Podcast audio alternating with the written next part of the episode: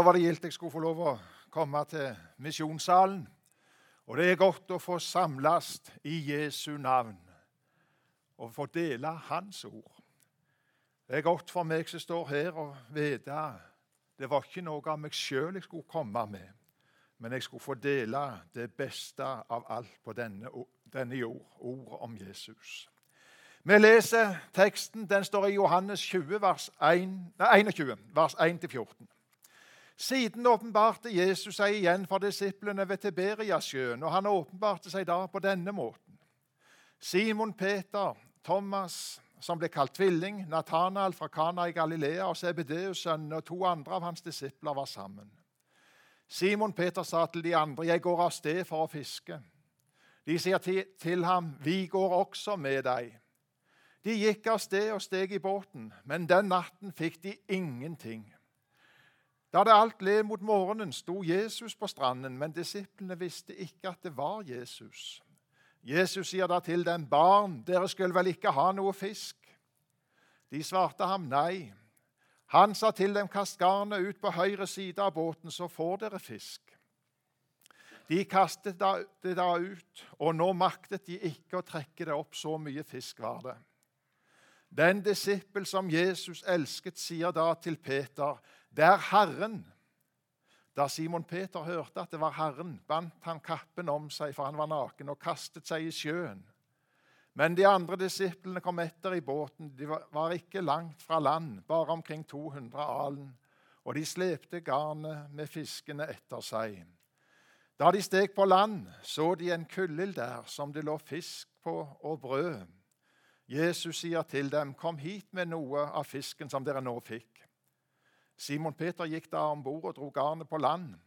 Det var fullt av stor fisk, 153 stykker. Men enda det var så mange, hadde ikke garnet revnet. Jesus sier til dem, 'Kom og få dere morgenmat.' Men ingen av disiplene våget å spørre ham, 'Hvem er du?' for de visste at det var Herren. Jesus kommer og tar brødet og gir dem, og likeså fisken. Dette var tredje gang Jesus åpenbarte seg for disiplene etter at han var oppstått fra de døde. Siden åpenbarte Jesus seg igjen for disiplene. Og Det står det var tredje gang etter han var oppstått ifra de døde. Og det er stort når vi iblant får oppleve et spesielt møte med Jesus, at han kommer oss ned på en måte at du merker jeg trenger han, og han er her. Men det underlige er at om Jesus kommer oss ned, så er det slettes ikke alltid vi merker og skjønner at han er der en gang. Og så kan en i teksten for denne dagen undre seg Mon tro hvor lenge det hadde gått før Peter skjønte det var Jesus, hvis det ikke hadde vært en Johannes som sa 'Det er Herren'.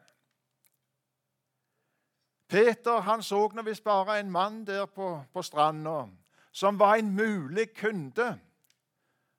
For han på stranden sa jo, 'Barn, dere skulle vel ikke ha noe fisk?' Og Det skulle jo tyde på at hadde vi nå hatt noe fisk, så kunne vi få solgt litt, grann, tjent noen kroner. Han på stranda han sier, 'Kast garnet ut på høyre side av båten, så får dere fisk.' Og når da gaten er blitt fulgt, så går det ennå ikke opp for Peter hvem han er, han som står der på stranda. Han der på stranda så tydeligvis fiskestimen på høyre side av båten. Men som sagt, det var en Johannes. Den disippel som Jesus elska, står der. Han levde nå visst i et tettere, inderligere samfunn med Jesus enn det Peter gjorde. For han merka hvem dette er, og sier altså det er Herren. Og det er mitt inderlige ønske for dette møtet og for alle møter her i misjonssalen at vi skal få hjelpe hverandre til klarere å se Jesus i vår hverdag og søndagen òg. Han er her nå, i denne stund. Han møter oss i sitt ord. Og så vil han stelle med den enkelte av oss òg i dag. Ja, jeg håper du har fått se Jesus som din frelser. At du har tatt imot Han og er på himmelveien. Men det er òg godt å få si at om du ikke skulle være det, ja, så skal du få lov å komme inn i samfunnet med Han denne formiddagen. Det er Jesu inderlige ønske om du skulle være utenfor samfunnet med Han. Jesus gikk i døden for deg. Han levde det fullkomne livet som du skulle ha levd, men som du slettes ikke makta. Og alt som var gått galt, alle dine synder, den straff du skulle hatt, den tok Jesus på seg. Det er Herren, sa Johannes til Peter.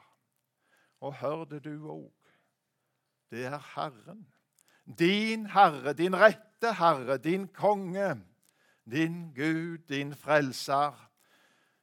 I denne verden er det så mange herrer. Og herre i denne betydning som det brukes her, det er en hersker. I denne verden er det mange onde herrer. Synda er en fryktelig herre. Alkoholen er for mange blitt en fryktelig herre. Pornoen er blitt en fryktelig herre for mange. Pengebegjær, karrierejag osv. Vi kunne lagd ei lang liste over de mange ting som kan få makt over oss. Og så har vi den vonde, ondskapens ånde her. Og av naturen så er vi alle treller og er tjenere av den vonde herre, djevelen. Men slik trenger det på ingen måte fortsette for noen. For om Jesus så leser vi i Kolosserbrevet 2, vers 15. Han avvæpnet maktene og myndighetene og stilte dem åpenlyst til skue da han viste seg som seierherre over dem på korset.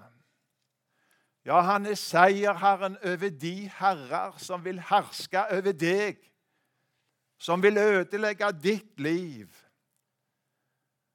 Og så møter Jesus òg deg i dag som den oppstandende frelseren. Som han møtte disiplene den dagen vi leste om i teksten, så vil han møte deg denne formiddagen.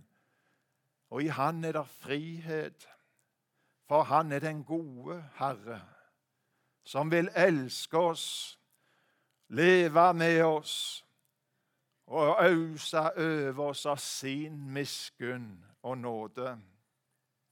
Og all den skyld og gjeld som du hadde pådratt deg i tjeneste for alle de vonde herrer.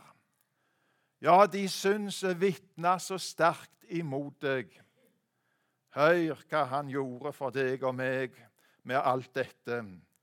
Kolosserbrevet 2,14. Han utslettet skyldbrevet mot oss som var skrevet med bud. Det som gikk oss imot, det tok han bort da han naglet det til korset. Så er det grunn underlig i teksten denne dagen å se dette, hvordan de ser Jesus, og likevel ikke ser han. Og undrer seg over hvem dette er. Hvem er denne mannen? er så de ikke er i stand til å kjenne Jesus igjen. De hadde jo gått i lag med han i lange tider. Og ikke minst etter underet med denne fiskefangsten, så skulle de jo ha sett det klart. Og de gjør det jo for så vidt òg, for vi leste, men ingen av disiplene våget å spørre ham, 'Hvem er du?' For de visste at det var Herren. Men det var likevel Det gikk ikke helt opp for dem. Han lever og er her, her i lag med oss. Peter måtte få beskjed. Det er Herren. Det er Herren. Og De trang da visst å få høre det, alle disiplene. Og vi trenger det, vi òg. så mange en gang så, så skjønte vi ikke at det var Jesus som ville ha med oss å gjøre. Og når Herren lar oss oppleve og det skjer det som er minst venta i positiv forstand, så kan vi iblant bli forvirra og spørre hva, hva, hva er dette for noe? Hva er det som skjer? Hvordan kunne dette gå til? Så var det kanskje en som kunne si de herlige ord. Det er Herren. Det er Jesus som er her. Og når det skjedde som vi minst ønska, motgang, prøvelser, anfektelser, sykdom og smerte Ja, hva kjenner vi på da? Jo, vi kjenner så titt på det som det står at Sion sa i Jesaja 49, 14, Sion sa, 'Herren har forlatt meg, Herren har glemt meg.' Men Herren er der. Og da trenger vi å få høre det gledesbudskapet. Det er Herren. Og Det står videre der i Jesaja 49.: Glemmer vel en kvinne sitt diende barn, så hun ikke forbarmer seg over sitt livs sønn? Om også de glemmer, så glemmer ikke jeg deg. Se, i begge mine hender har jeg tegnet deg. Dine murer står alltid for meg. Jeg glemmer deg ikke. Det er budskapet ifra Han som er vår rette Herre og som møter oss og åpenbarer seg for oss i sitt ord og denne formiddagen. Og som Guds barn så kan vi komme i den stilling at vi glemmer Herren Jesus. Men hør igjen Jesus glemmer aldri deg. Vi kan komme i den stilling at vi glemmer Guds ord og løfter men løftene de står like urokkelige og sikre som før. Så trenger vi det at det er noen som pekte på Jesus for oss. Det er Herren. Som Guds folk så trenger vi hverandre. De helliges samfunn det er en stor gave gitt oss av Gud for å bevare oss på veien. For mange år siden så skrudde jeg på radioen en dag, og så var det et program om trekkfugler jeg havna midt inni. Om det var en spesiell fugleart de snakka om, det vet jeg ikke. Det kan ha vært trekkfugler generelt. Men det som de sa, det har fulgt meg i alle år etterpå. For det ble så sterkt et bilde på Guds folk som er på vei hjem til himmelen. For det ble sagt det at når fuglene føyk av gårde i en svær flokk De fer jo langt av gårde. Så bomma de aldri på målet. Var det en mindre flokk, ja, så kunne de bomme med noen kilometer eller noen mil i første runde, men de falt, fant alltid fram. Var det en ensomme fugl eller en to-tre fugler bare som føk av gårde, så nådde de aldri fram der de skulle. Fuglene er til hjelp for hverandre til å korrigere kursen, slik at de når målet. Gud har sett oss inn i samfunnet ikke bare med seg sjøl, men òg med hverandre som Guds barn. Vi skal være til hjelp for hverandre, slik at vi ikke kommer ut av kursen. Slik at vi kan nå målet. Og du, Det er så mange ting i denne verden som vil ha deg ut av kurs, som dreger. Så trenger vi at det er en bror eller søster som kan peke på Jesus for oss og si det er Herren, han er veien, se på han, og du skal aldri fare vill når det var vanskelig å tru, når alt ble bare surr, vi svikta og falt. Å, hvor vi trenger Jesus. Og hvor vi òg da trenger at det er noen som pekte på Jesus for oss. Når det var vanskelig å tru, så trenger jeg å få høre ordet om Jesus enda en gang, slik at mi tru kunne bli styrka. Og når livet ble bare rot, jeg falt, eller hva det nå skulle være, så trenger jeg enda en gang å få høre noen fortelle meg om Jesus. At han levde det livet jeg skulle ha levd. Han sona for alle mine synder. Det er grunnen underlig sånn som teksten for denne dagen begynner, å se hvor motløse de virker. Der står jo ikke direkte Simon Peter sa til de andre 'Jeg går av sted for å fiske'. Og For en som var fisker, så hørtes jo det her helt hverdagslig ut. og Det hørtes jo egentlig ut til å kunne være noe gledelig, men du merker det er noe dystert og noe tungt og mørkt. Han får med seg de seks andre disiplene som han var sammen med ved denne anledningen. De sier til ham, 'Vi går også med deg.' De gikk av sted og steg i båten. Men den natten fikk de ingenting. Ja, det, det bildet det er fortsatt like dystert og mørkt. Det var så mørket trengte like inn i hjertet på dem. Hvordan kunne det bli slik for dem?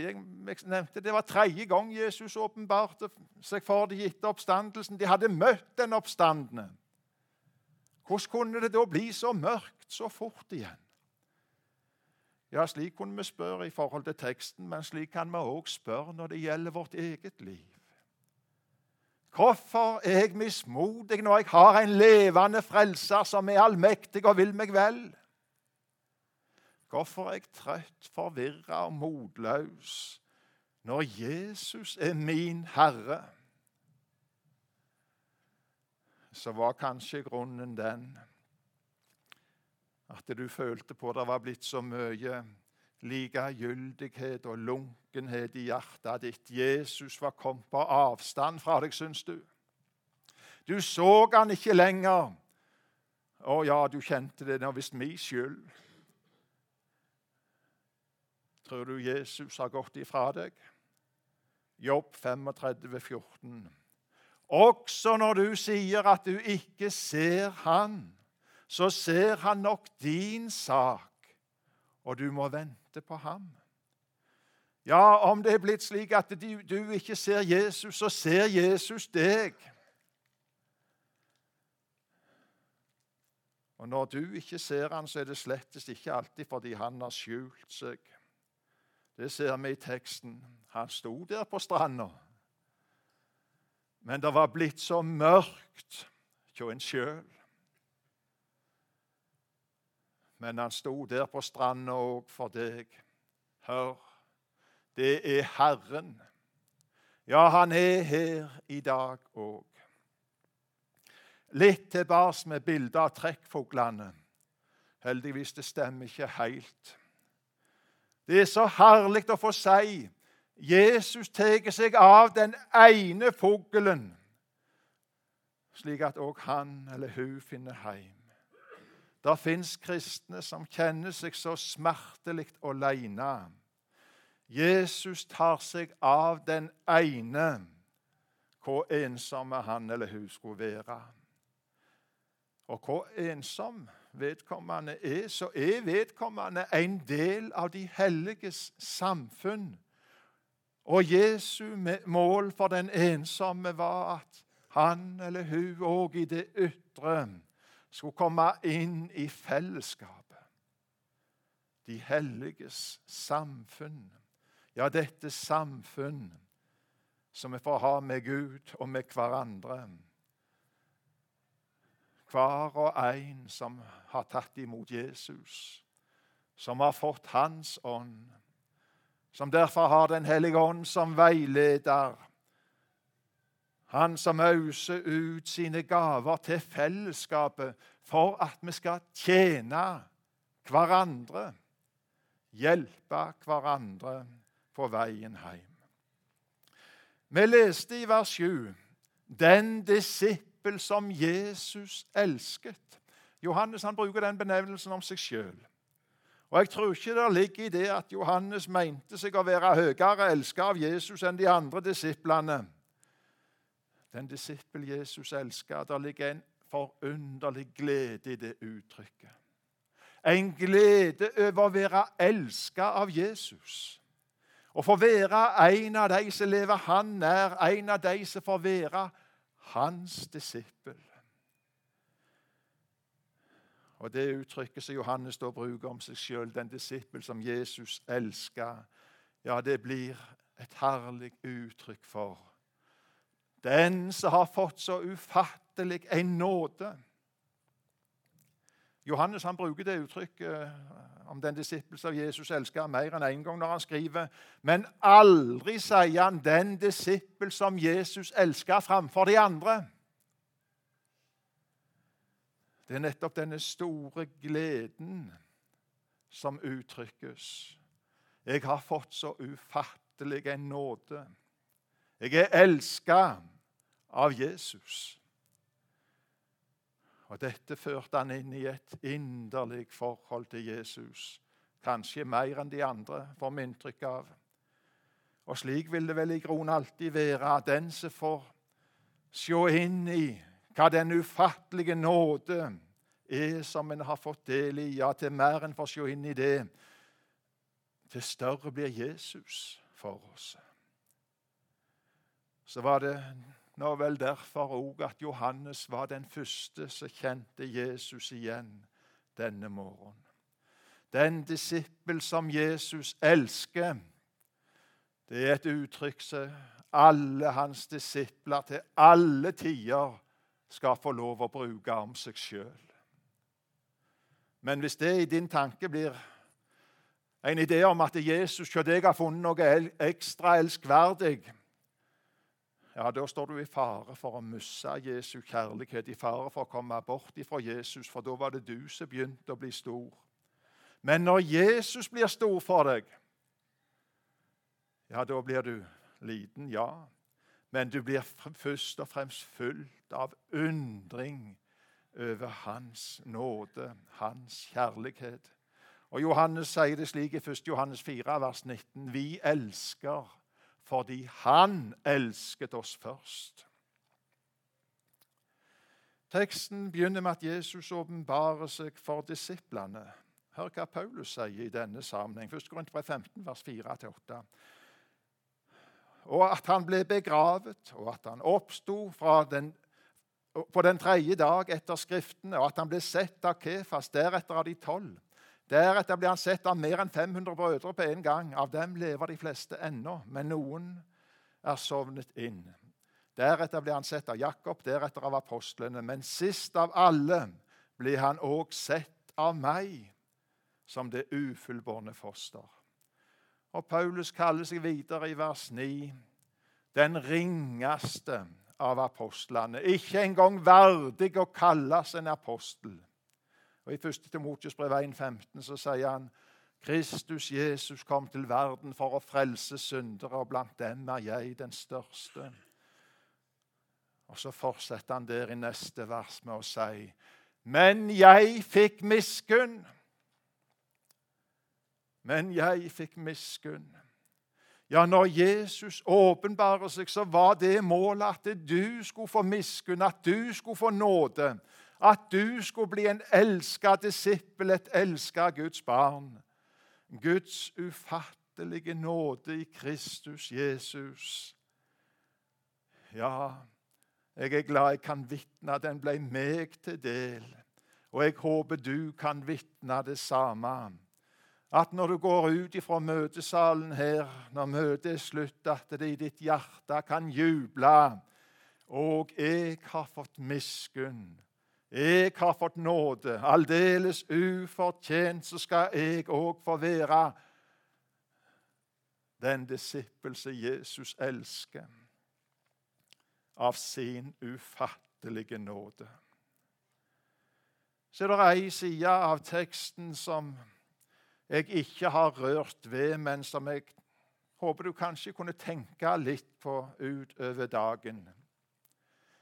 Jesu disipler er kalt til å være menneskefiskere. Hører du Jesus til, så gjelder det deg òg dette med menneskefiske. Og Det var fint å se at dere har misjonen integrert i møtet. Tar med de som er utsendinger, har tilknytning til forsamlingen. Det har med den enkelte av oss å gjøre, dette med misjon. Så kan vi da òg mange en gang kjenne på det ble liksom tungt og dystert. Det ble så mørkt ei natt uten en fikk berga noen. Men glem ikke det er han som står på stranda, det er Jesus som er misjonens herre. Måtte han få lede oss. Kast garnet ut på høyre siden av båten, så får dere fisk. Da kast, de, de kastet det ut, og nå maktet de ikke å trekke det opp. Så mye fisk var det. Ja, misjonsarbeidet både hjemme og ute skal lykkes. Fordi Jesus er misjonens herre. Kom med ditt rike, Herre Jesus. Amen.